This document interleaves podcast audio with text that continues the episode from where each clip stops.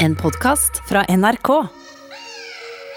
Og nå til Kristiansand, der sjimpansen Julius snart skal innlede et nytt liv. Apen Julius fra Dyreparken i Kristiansand er blitt hele landets kjæledegge. Han får sin egen øy, og han skal få seg en ny kjæreste. Men Julius går fra liten og søt til stor og skremmende. Faen! Gå inn her! Kom igjen, Julius! Han er stadig på rømmen. Lås dørene. Julius er på vei mot kontorbygget. Han hadde betydd veldig mye for parken, og nå kunne ikke vi takke for innsatsen med å sette ei kule i panna på han.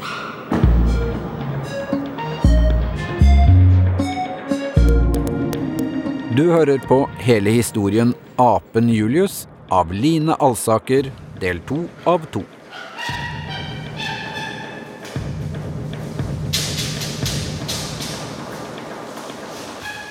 Julius er blitt litt over ett år, og tilbakeføringen til flokken går fremover. Hans oppgave er stadig å passe på den kortvokste lillebroren Kjell, og han klarer mer og mer å tilpasse seg. Allikevel, Julius er fremdeles sterkt knyttet til mennesker, og blir fortsatt tatt med ut av sjimpanseinnhegningen for å bli vist frem når det er gjester i parken. Gjerne sammen med dyrepasser Åse Gunn Mosvold Hogga. Ja, jeg gikk og bar på han. Han var jo veldig lett å bære på, for han var jo sterk. Så han holdt seg jo sjøl fast i meg. Og mm, vi gikk rundt og hilste på andre dyr. Og vi eh, Folk var jo alltid syntes det var så gøy å treffe på Julius. Folk ville ta bilde. Eh, og så gikk vi innom noen kiosker, og så fikk han litt sånn litt is. Og så måten han snakka på når han var veldig fornøyd, og når vi fikk noe godt han spiste, så var det oh, oh. Og så var han litt sånn, så kunne jeg kille han, så kunne jeg høre åssen han lo, og, og vi kunne gå på blåbærtur, f.eks. Etter at den røykskadde ledersjimpansen Dennis døde av hjerteinfarkt, så er Dyreparken på jakt etter en ny alfahann for å holde orden i sjimpanseflokken. Valget faller på den seks år gamle hannsjimpansen Sjampis fra Borås dyrepark. Forholdet Julius får til Sjampis, vil avgjøre hvordan Julius får det videre i flokken. Men når han ble enda større og sterkere, så var det jo sånn at alle skulle opp igjen, og alle hadde en sånn Trodde det var nesten en kosebamse. Så jeg skjønte ikke at han etter hvert kunne liksom ta en neve til ungen og så inn i munnen for å, å bite de litt og litt sånn, når de kom for nærme. Så da måtte du hele tida holde avstand og be foreldrene holde ungene litt vekke. Fordi at plutselig så skulle han ta noe fra noen, eller han tok en is fra noen, eller Ja. I mai 1983 åpner en ny attraksjon i Dyreparken. Fritidsparken. Der finnes Kjuttaviga med amfiteater og brygge, trampoliner og en halv kilometer lang bobbane. Til åpningen har visesanger Terje Formoe skrevet en låt til Julius. En låt som blir en skikkelig landeplage. Han svinger seg i toppen av et tre. Vi hører han og vet han er på vei. Og Julius,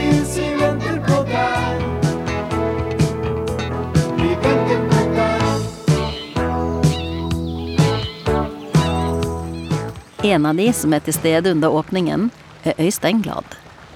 Og jeg har jo vært alltid ganske liten av vekst. da, så og da, det, da husker jeg at det var den første gangen når vi lekte der, og NRK filma, og vi holdt på i noen lekeapparater og alt. Da, da gikk det opp for meg at Julius er mye sterkere enn meg. Julius er nå litt over tre år og er blitt en muskuløs sjimpanse. I filmen fra Fritidsparken er det tydelig at Julius er ellevill og oppskrudd i klatretauene sammen med Øystein. At han egentlig kunne løpe fra og, og rømme. Men jeg hadde fått beskjed om at jeg skulle holde han rundt håndleddet, og, og gjorde det for at han ikke skulle stikke av. Og så eh, ja, gikk det da opp for meg at jeg, jeg har egentlig ikke kontroll på han. Men han skjønner det ikke ennå. Søstrene Ane og Siv Moseid er med faren, dyreparkdirektør Edvard Moseid, på jobb i Dyreparken nesten hver eneste dag. For de to søstrene er det helt normalt å ta Julius ut av buret, pluss å hjelpe til med å få han inn igjen. Når faren skal av gårde og fikse ting, så er det dyrepasserne som aktiviserer jentene. Så vi kunne få i oppgave å mate slanger, f.eks. Så vi fikk en sånn bøtte som, var, som de helte kokende vann over frosne mus. Og så skulle vi tre det på en pinne. Altså en sånn klypepinne som vi mata slangene med. Og vi, da var jo gjerne Julius også på slep på disse tingene. Han var jo med oss overalt rundt i Dyreparken. Og lillebroren hans. Ja. Ja, ja, ja, ja. Kjell. Kjell. Ja. Så det var liksom før publikum kom, og da var dørene låst ut sånn at ikke publikum kunne komme inn. Og så hadde vi fri boltreplass med to sjimpanser. Ane og Siv leker mye sisten med Julius og Kjell. Der inne i sjimpanseinnhegningen bor det òg flere dvergflodhester. Og så var vi alle like tøffe og klaska til flodhestene. En liten sånn rapp. For han erta flodhestene samme som han gjorde med oss. Med en liten sånn eh, klaps på rumpa på det. Ja, så vi lærte fra han at vi måtte Ja. sprette unna ganske Det var en del av leken, altså. I 1983 kommer det en ny film om Julius på NRK TV. Lege og en av reservefedrene, Billy Glad, tar òg Julius ut av buret når han skal undersøkes. Det er tydelig at følelsene er varme, sjøl om Julius er blitt stor. Ja, ja, Julius. Jeg syns du har klart det bra, jeg, Julius. Du, fint å ha kontakt med deg. Hæ? Mhm. Kan du le litt? Hæ? Dette er gøyalt doktorbesøk, hva?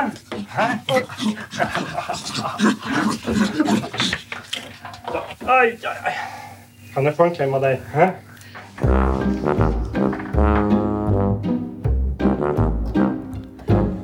Tiden går, og så snur det for Øystein Glad. Han er 14-15 år gammel og har vært på besøk i Dyreparken og har hatt Julius ute av buret. Så får han beskjed av dyrepasserne om å låse Julius inn igjen. Og plutselig, som lyn fra klar himmel, så snur han seg rundt, og så gikk han da til angrep på meg og skulle ta meg. Og eh, da beit han meg eh, til blods eh, på armen, og jeg, jeg hylte jo og skreik. Og så kom det da voksne til og tok han og, og fikk han inn. Det var nok siste gangen jeg, jeg tok Julius ut. Dyreparkdirektørens døtre, Ane og Siv, slutter ikke med å gå inn til verken sjimpanser eller andre dyr. De kjenner Dyreparken som sin egen bukselomme, og vet hvor de kan finne nøkler. Med en gang man åpna døra inn til apekjøkkenet, da, så gikk det en bratt trapp opp til et loft. Når man gikk opp dit, så kunne man se litt ned på der hvor krokodillene og se et lite glimt av sjimpansene. Så det var jo den letteste veien å komme oss ned til krokodillene uten at de voksne så oss. Hvis ikke vi hadde låst opp og kommet oss inn. Vi skjønte at ikke vi fikk lov å gå dit, men de var De blunker nesten ikke. Så vi det gikk litt sport i oss og skulle prøve å få de til å reagere.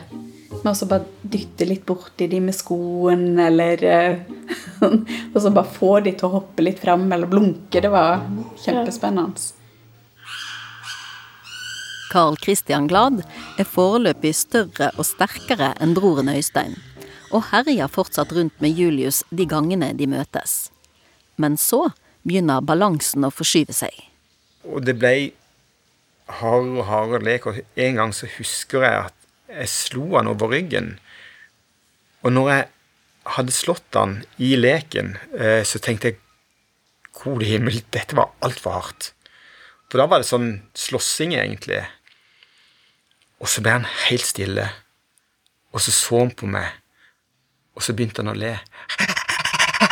Sånn, en, en sånn latter. Og da blir jeg litt sånn engstelig. For han her tåler mye. Filmene om Julius blir sendt i reprise mange ganger. Øystein Glad blir ikke kvitt Julius, sjøl om han gjerne skulle ønske det. Alle nye mennesker som jeg traff, det var liksom 'Å ja, er det du som er Julius-gutten?' fikk du høre. Og etter hvert så ble jeg Jeg holdt på å spy av den apekatten, og det var rett og slett det verste jeg visste. Og jeg kan huske jeg tenkte noen ganger at jeg skulle ønske at det aldri hadde skjedd. Så drittlei ble jeg egentlig av det, da. Men faren, Billy Glad, er fortsatt ikke ferdig med verken Julius eller de andre sjimpansene. Han er mye i dyreparken på ettermiddag og kveldstid. Carl Christian blir gjerne med. Da sitter han inne i buret med Julius og koser og spiser bananer. Etter hvert så var far litt sånn du, nå, nå tror jeg vi skal begynne å, å være litt sånn forsiktige med å, at du går inn til han. Og en av de siste gangene husker jeg at jeg tenkte nå skal jeg sette meg i respekt. Så jeg la meg på når der veide jo sikkert det er 65 kilo, og han veide vel 30 eller 25 eller et eller annet sånt. Så la jeg meg oppå han, sånn at han lå med ansiktet opp mot meg, og så la hele kroppssyngda, og så holdt jeg han Altså tyna han litt sånn. Og så ble han plutselig helt stille, og så drar han seg bare som ingenting ut av det grepet. Julius er sju-åtte år gammel den siste gangen Carl Christian er inne hos han i sjimpanseburet. Faren Billy kommer for å låse opp, og sier at de må gå. Og så stiller Julius seg i veien. Og så bare ser han på far. Og så står jeg innerst. Og når jeg prøver å gå rundt Julius, så stenger han meg. Og da begynte far å bli litt sånn engstelig. Til slutt så gikk far og henta en klase bananer. Og så kasta han de helt inn i buret. Og da sto Julius og så på far, og så på meg, og så på bananene. Så var det helt tydelig Han dreiv og tenkte Rekker jeg bort og henter de bananene? og kommer tilbake igjen før han har gått ut. Det var helt tydelig at han drev og resonnerte. Så kasta han seg etter bananene, og jeg smatt ut. Det var siste gang jeg var inne hos Julius.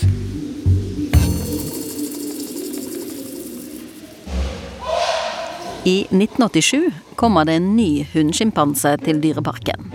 Hun blir presentert som den nye kjæresten til Julius, og får, etter avstemming i tegneseriebladet Donald Duck, navnet Josefine. Men selv om det er store overskrifter i ukeblader og aviser om at Julius er dypt og inderlig forelsket, så er verken Julius eller Josefine særlig interessert i hverandre. Dyrepasser Åse Gunn ser at det er broren Kjell Julius hiver seg over når han etter hvert begynner å få seksuelle behov. Han prøvde seg og øvde seg litt på Kjell. Så da, det var jo litt sånn over kanten, men sånn er det i dyrenes verden. Vi bare snudde oss litt vekk, og så Men Kjell gjorde en kjempefin figur i forhold til Julius og inngangen inn i flokken. Julius er kommet i puberteten og underkaster seg ikke flokkleder Sjampis på riktig måte. Det fører til at Sjampis rundhjuler Julius jevnlig, og det blir så brutalt at Julius ofte må isoleres fra resten av flokken. Dermed lager Dyreparken en ekstra utendørsøy der Julius kan være. Enten aleine eller sammen med halvbroren Lille-Billy.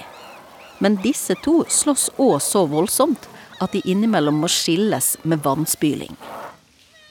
Når Julius er inne i innhegningen med sjimpanseflokken, gjemmer han seg derfor ofte høyt oppunder taket for å slippe å bli forfulgt av sjampis. Der satt han på taket. Så han, de skulle ikke ha mer enn bitte litt å henge neglene i. Så er de jo så sterke og beregner så han fikk jo mye erfaring på hvordan komme ut. Og siden Julius har vært vant til å være ute i parken blant mennesker, så er han i utgangspunktet mer interessert i å komme seg ut til den andre siden av gitteret enn resten av sjimpanseflokken. Dyrepasser Åse Gunn Mosvold Hogga er på jobb da Julius finner en fluktrute ut i dyreparken via taket. Han griper sjansen, sjøl om han må passere en strømførende bjelke på veien. Så da kan jeg huske at han eh, var på vei inn i ei og da var jeg egentlig blitt litt sånn usikker på han vil han høre på meg? Bidrar han med? Åssen går det? Og så må du bare manne deg opp og bli veldig sånn Nå er jeg sjef, og du hører på meg. Så da husker jeg at jeg bare liksom Nå, nå skal vi to inn. Og ferdig med den saken. Men jeg kjente jo det, jeg var veldig spent på går dette, eller går det ikke. Julius blir med Åse Gunn tilbake, men utferdstrangen gir seg ikke og både Julius og Josefine ypper seg jevnlig og utfordrer dyrepasserne. Dermed må de true dyrene med vannspyling for å få de til å lystre. Kom igjen! Er jeg spruta. Gå inn med! Kom igjen! Gå inn med det! Gå inn med det, Julius! Ta! Gå inn! Josefine, gå inn med det! Faen! Gå inn med det! Kom igjen, Julius! Gå inn med det! Kom igjen! Gå inn med det! Faen. Stemningen er fortsatt amper og aggressiv mellom Julius og Sjampis. Og dermed prøver Dyreparken seg på en ny løsning. Julius og Sjampis skal bytte på å være sammen med flokken. De dagene de ikke er sammen med resten av sjimpansene, er de aleine og isolert. Sjampis reagerer med å banke opp hele flokken hver gang han kommer tilbake fra isolasjonen, mens Julius stikker av igjen. For sjøl om han er sammen med flokken ute på Sjimpanseøyen med Sjampis isolert i bur, så faller ikke Julius til ro. En dag ute på øyen får han tak i en lang stokk, og som en slags stavhopper kommer han seg over vanngraven og ut i parken. Der ute spruter han vann på gjestene som kjører tømmerrennet. Og denne gangen er det dyreparkdirektør Edvard Moseid som må prøve å fange Julius inn igjen. Han var stor, var sterk, og jeg turde ikke utfordre han i det hele tatt. For jeg sto sånn sett tillagelig for hogg for å bli utfordra. Men eh, jeg tenkte på hva han likte best når han var liten, og det var sjokolademelk. Så jeg gikk inn på en kiosk, fant noen forskremte betjening som hadde låst seg inn i bakrommet, men jeg bare forsynte meg av sjokolademelk med sugerør. Gikk tilbake til Julius og sier at ok, her har du hånda mi, og så får du sjokolademelken. Så ble vi enige etter en liten stund om at det var et greit bytte. Så setter han seg greit inn i bilen, i baksetet, slurper i seg kakaomelk, og så kjører vi hjem igjen.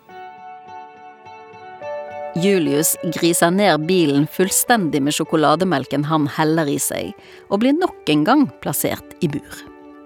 Edvard Moseid avviser i et intervju at den ni år gamle fullvoksne sjimpansen er farlig å ha løpende fritt rundt blant barnefamilier. Men dette er ikke siste gangen Julius rømmer. Marit Espejord, moren til Siv og Ane, som hadde Julius boende hos seg mesteparten av hans første leveår, er bekymret for sjimpansesønnen. Vi så jo at han, han hadde veldig sterk kontaktbehov for oss. Og, og, den overgangen var jo også, selv om han var etablert inn i Dyreparken og inn i sammen med de andre sjimpansene, så, så, var han jo en sånn alien. Han var en, en annerledes sjimpanse. Han søkte oss, og han oppførte seg ikke helt som de andre sjimpansene. Han var for prega av, av, å være menneske. I min verden så, så har han en veldig høy bevissthet om at han var et menneske. Carl Christian Glad ser tydelig at Julius fortsatt ikke blir behandlet helt som en vanlig sjimpanse i flokken. Eh, han ble tatt ut, det ble lagd Julius-brus, det ble lagd andre produkter osv. Da skulle Julius ut og ta bilder av dette her. Og det er klart, Julius skjønte jo dette her. Julius var PR-kåt. Julius var barnestjerne. Og syntes dette her var utrolig moro. Han merka jo at han var den sentrale skikkelsen her. Mens det samme skjedde jo ikke på andre sida. Altså når han var med sin naturlige flokk.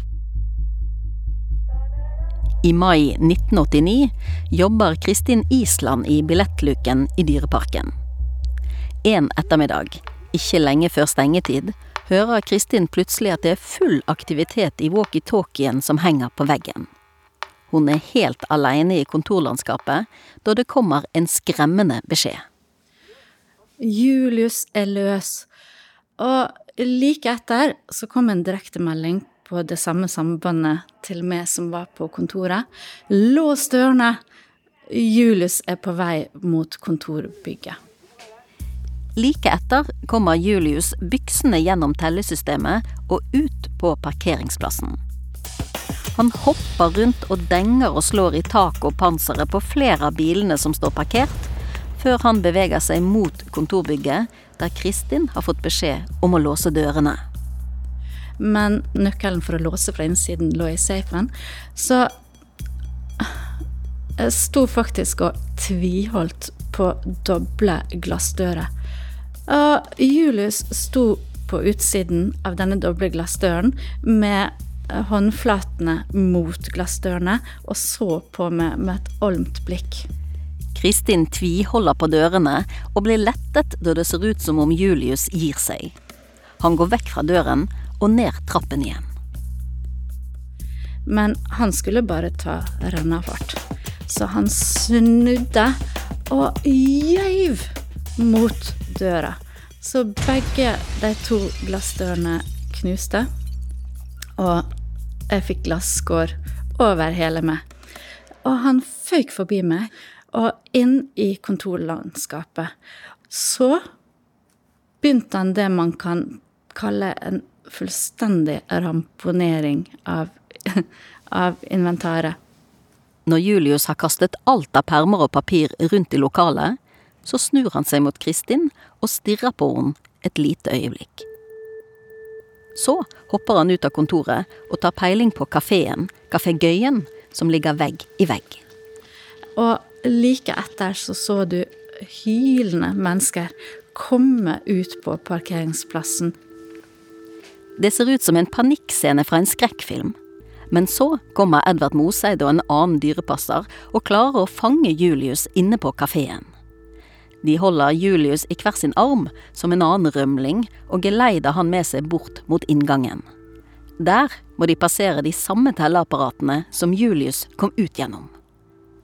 Så da så han på meg som sto da i billettluka, og jeg følte faktisk at han sendte et blikk 'bare vent'.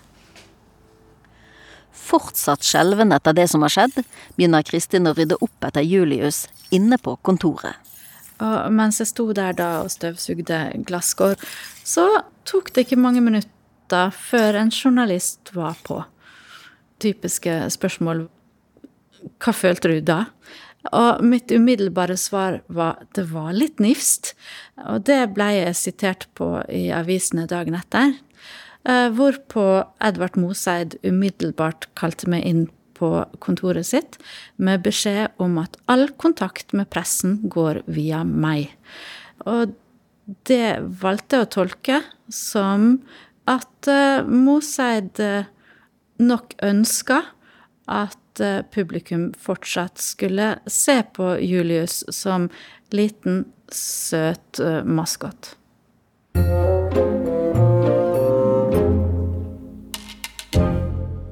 Det samme året, i 1989, blir Julius kåret til tiårets sørlending av avisen Fedrelandsvennen. Julius har antagelig aldri vært mer populær. Ennå har ingen blitt alvorlig skadet de gangene Julius har vært på frifot. Det kommer til å endre seg.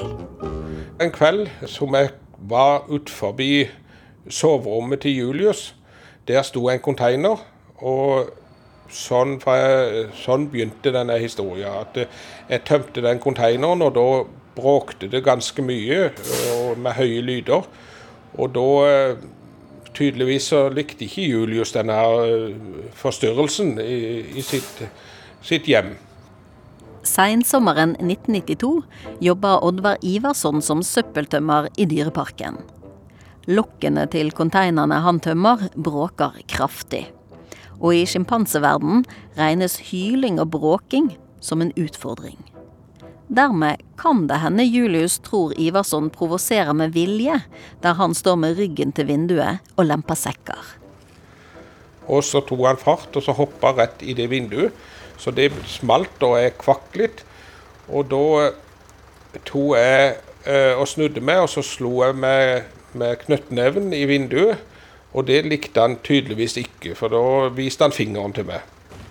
Panserglasset gir ikke etter, sjøl om Julius har kastet seg mot det med full kraft. Og dermed tenker ikke Oddvar Iversson mer på saken.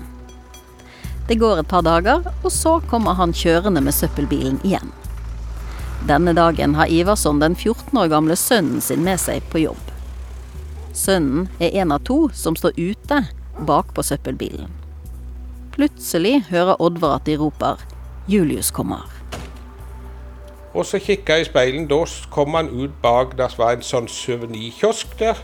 Så han sto og venta på meg der, for han hørte nok bilen på lang avstand. De kjører sakte på de smale gangveiene, så Julius klarer å ta igjen bilen. Men han er ikke interessert i de to som står bakpå. Det er sjåføren, Oddvar, han er ute etter. Julius slenger seg inn sidevinduet, som er halvveis rullet ned. Og antagelig idet han gjorde det, så holdt jeg venstreneven oppe for å skjerme meg litt, for det ble jo veldig nærme ansiktet, dette her. Og da biter han seg fast i håndleden min og knuste ei klokke. Julius biter seg fast i håndleddet til Oddvar Ivarsson og knuser klokken han har på seg. Så slipper Julius taket og hopper opp i rattet på bilen, tar tak i armen til Oddvar på nytt og prøver å bite av han pekefingeren. Men jeg hadde jo høyrehånda fri, så jeg kan huske det at jeg slo han over øret et par ganger med knyttneven med høyrehånda, men det var liksom ikke lett å få til, for han, han var jo tung og stor og satt oppi rattet og rett foran ansiktet på meg. Samtidig har sønnen til Oddvar løpt langs siden av søppelbilen for å gjemme seg for Julius inne i førerhuset hos faren. Men idet han hopper inn, er det første han ser Julius, som har venstrehånden til faren inni kjeften. Det så helt forferdelig ut, for når han rista i denne handa av det der, så spruta det jo blod alle veier rundt i bilen. Så den, eh, det så ikke noe bra ut. Jeg kan huske at eh, det han sa når han hoppa ut av bilen igjen. Han dreper det, han dreper det, pappa. Sønnen løper i sikkerhet, mens Oddvar Iversson hyler alt han kan av skrekk og smerte. Men så er det over. Plutselig så, så slapp han fingeren og, og hoppa ut igjen av vinduet. Nå løper Julius etter to Securitas-vakter, før han til slutt blir fanget inn av en av dyrepasserne og nok en gang blir fulgt tilbake til buret. Oddvar Ivarsson havner på sykehus, der legene klarer å redde den venstre pekefingeren. Men han får aldri finmotorikken helt tilbake.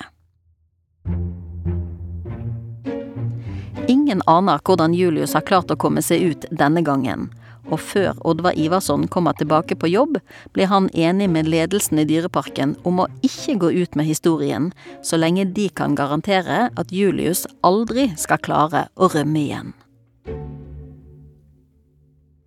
Dyreparkdirektør Edvard Moseid forklarer seinere hvorfor de velger å beholde Dyreparkens største trekkplaster i live. Han hadde betydd veldig mye for parken, og nå kunne ikke vi takke for innsatsen med å sette ei kule i panna på han. Så eh, vi eh, måtte i mellomtida skjerme han fra at noen skulle i det hele tatt stille spørsmålstegn om får han lov til å leve, han er jo farlig. Han måtte settes inn bak gitter, som ble spesialsveist. Det ble lagd en form for et kjempepapegøyebur til han, for at han skulle sånn sett sitte bak lås og slå. Julius kan ikke være på samme sted som den brutale alfasjimpansen Sjampis uten å være redd for å bli angrepet og alvorlig skadet. Den påståtte kjærligheten til Josefine finnes ikke, og han må for all del ikke rømme flere ganger. Så kommer Dyreparken opp med en mer varig løsning. Og nå til Kristiansand, der sjimpansen Julius snart skal innlede et nytt liv. Han får sin egen øy, ganske rømningssikker etter hans tallrike forsøk på å stikke av i det siste, og han skal få seg en ny kjæreste. Julius har gjennomlevd ei personlig krise. Han blir sett på som ei bølle som mobber både aper og mennesker. Men ikke nok med det. Også kjærleikslivet har gått skeivt. Nå har han slått opp med dama. Ikke så rart, kanskje. Josefine har forelska seg i en helt annen. Han vil bytte henne med noe godteri jeg hadde en gang, og etter det så har hun altså lagt fullstendig sin elsk på meg. Og de to elsker hverandre ikke, så det gikk ikke. Hun er litt for uh, forsiktig av seg og litt for mange kjærlighetsblikk i forhold til meg. Dermed prøver Dyreparken seg med en ny sjimpansehund til Julius. Hun kommer fra Danmark og blir ønsket velkommen på flyet av kabinpersonalet. Og det er en glädje att hälsa välkommen till til vår schimpans MIF, som kommer fra Københavns zoologiske tregård, som skal til eh, Kristiansand Zoo og eh, träffa en ny kjæreste som heter Julius. Nyheten om Miff, som skal bli Julius sin nye partner, blir gladsaken hele Norge vil ta del i. Så var det endelig klart for vårens mest omtalte stevnemøte. Julius hilser verdensvant sitt publikum. Ny sjimpansegrotte, en helt ny øy og ny kone. Miff er tilbakeholden, men ikke fordi hun er så sjenert. Ingen visste at hun var drektig i sjuende måned da hun kom. Ingen vet hvem som er barnefaren, bortsett fra at han fortsatt befinner seg i sjimpanseflokken i København.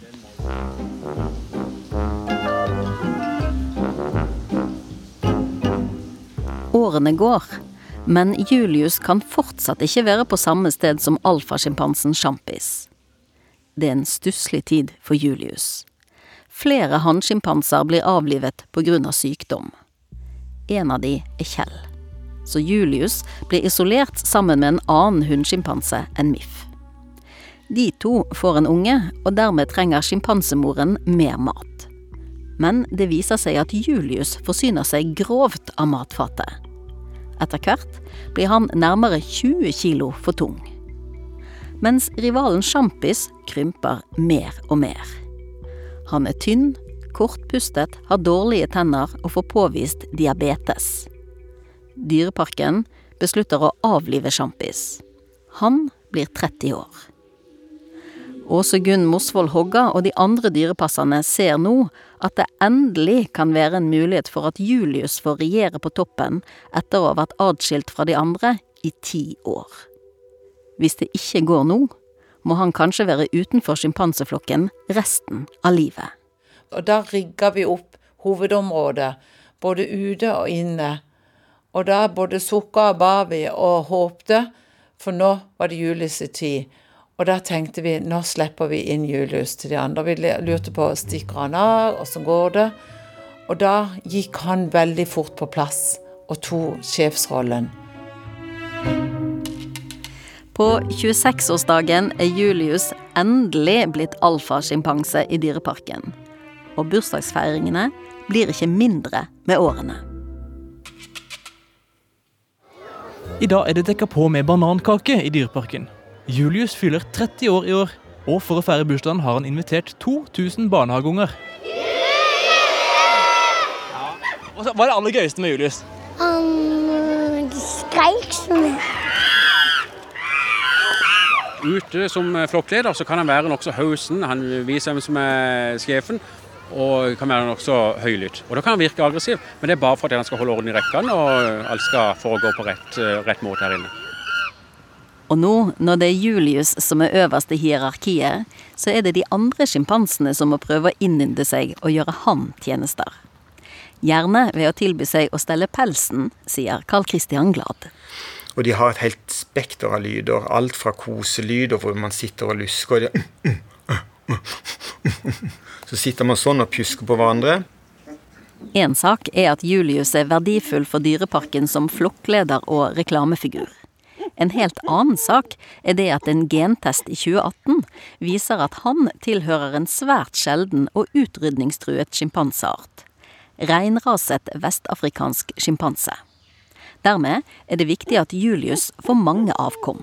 Det er fire voksne damer inni her, og alle de er damene hans sine. Såpass? Ja, ja. Så han, han Når de kommer opp i brunst og de er, sier at han får lov, så, så er, kan han ha det moro med, med av de. Med hvem han vil. Ja. Han er en, en kjempegod far. Og kjempegod leder for flokken, egentlig.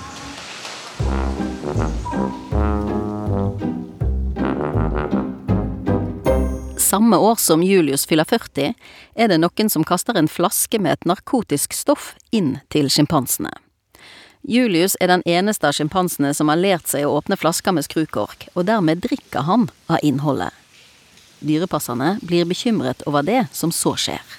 Julius eh, oppførte seg ekstremt unormalt på kvelden. Eh, og satt rett og slett og beit seg sjøl i armen. Så vi beslutta å legge han i narkose for å få undersøkt det. Og så prøvde vi å, å, å lappe litt på dette såret. Og, men når han våkna opp igjen, så fortsatte han bare i samme, samme linja. Julius blir etter hvert seg sjøl igjen. Analysen av innholdet i flasken viser at det han har fått i seg, er flytende amfetamin. En mann tilstår seinere å ha kastet inn hele tre flasker med narkotika til sjimpansene. Men saken blir seinere henlagt pga. siktedes utilregnelighet.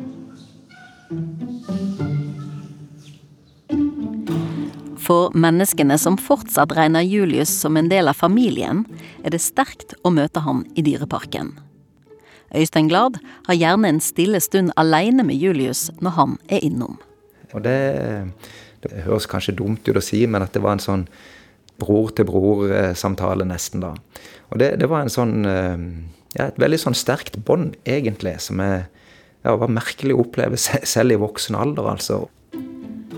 Carl Christian Glad føler at Julius blir fornærmet hvis det går for lang tid mellom besøkene. Men det går fort over. Hvis han kan stelle et sår, f.eks. hvis jeg sår på en underarm og kan legge armen inn mot pansernettinga, så sitter han sånn Og så sitter han der og steller det, og med tunga, osv. Og, og da er vi gode venner igjen. Marit Espejord, moren til Arne og Siv Moseid, hadde Julius som sin ekstra sønn da han var baby. Hun er ikke så ofte i Dyreparken og besøker Julius. Hver gang jeg kommer, så reagerer han først med å bli sint. Så han får sånn raseriutbrudd der han står og, og lager sånne spesielle lyder og rugger på seg, og så står han der og hisser seg opp mer og mer og mer. Og hvis jeg står utafor et vindu som, der man kunne se han veldig nær, så kommer han og så krasjer han inn der, og så om igjen og om igjen har han sånne utbrudd. Så når han er ferdig med, med dette her, så har han brukt å komme og sette seg helt inntil vinduet, og så, så bare sitter han helt stille og er veldig sånn kikker og kikker på meg. Og eh, jeg syns at det er vanskelig, mm, fordi um, jeg tenker at det er bedre å ikke komme der, egentlig, for da slipper han å bli så opprørt. Men, um, men jeg vet ikke om det er riktig. Det kan være at det hadde vært mye bedre for han om han hadde vært der veldig ofte.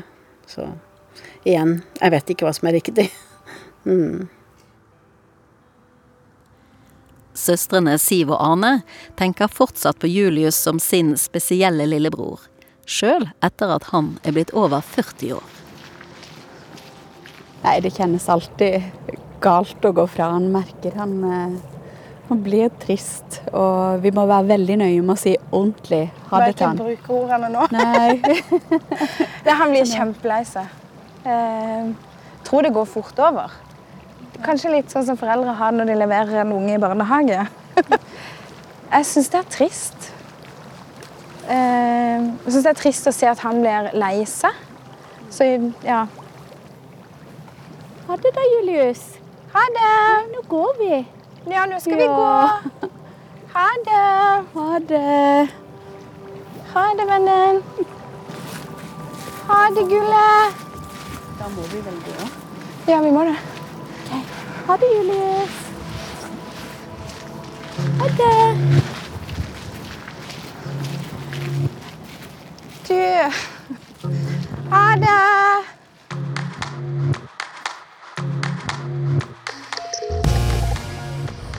Dette var andre og siste del av hele historien om apen Julius av Line Alsaker. Lyddesign ved Merete Antonsen. Vignettmusikken er laga av Nils Jakob Langvik. Redaksjonssjefer Hege Haug Omre og Siril Heierdal. I dokumentaren er det med utdrag fra serien 'Sjimpansen Julius' av Elisabeth Nergård, som du finner i appen NRK TV. Det er også klipp fra dokumentaren 'En omvendt jungelbok' av Kalle Fyrst. Andre kilder er Billy Glads private notater, Alfred Fidjestøls bok 'Nesten menneske' og boka 40 dyrebare år av Hans Martin Sveindal. Ansatte ved Dyreparken i Kristiansand har lagt til rette for produksjon. Produsent var meg, Kjetil Saugestad, som svarer hvis du sender en e-post til hele historien krøllalfa nrk.no. Podkasten Apen Julius hører du først i appen NRK Radio.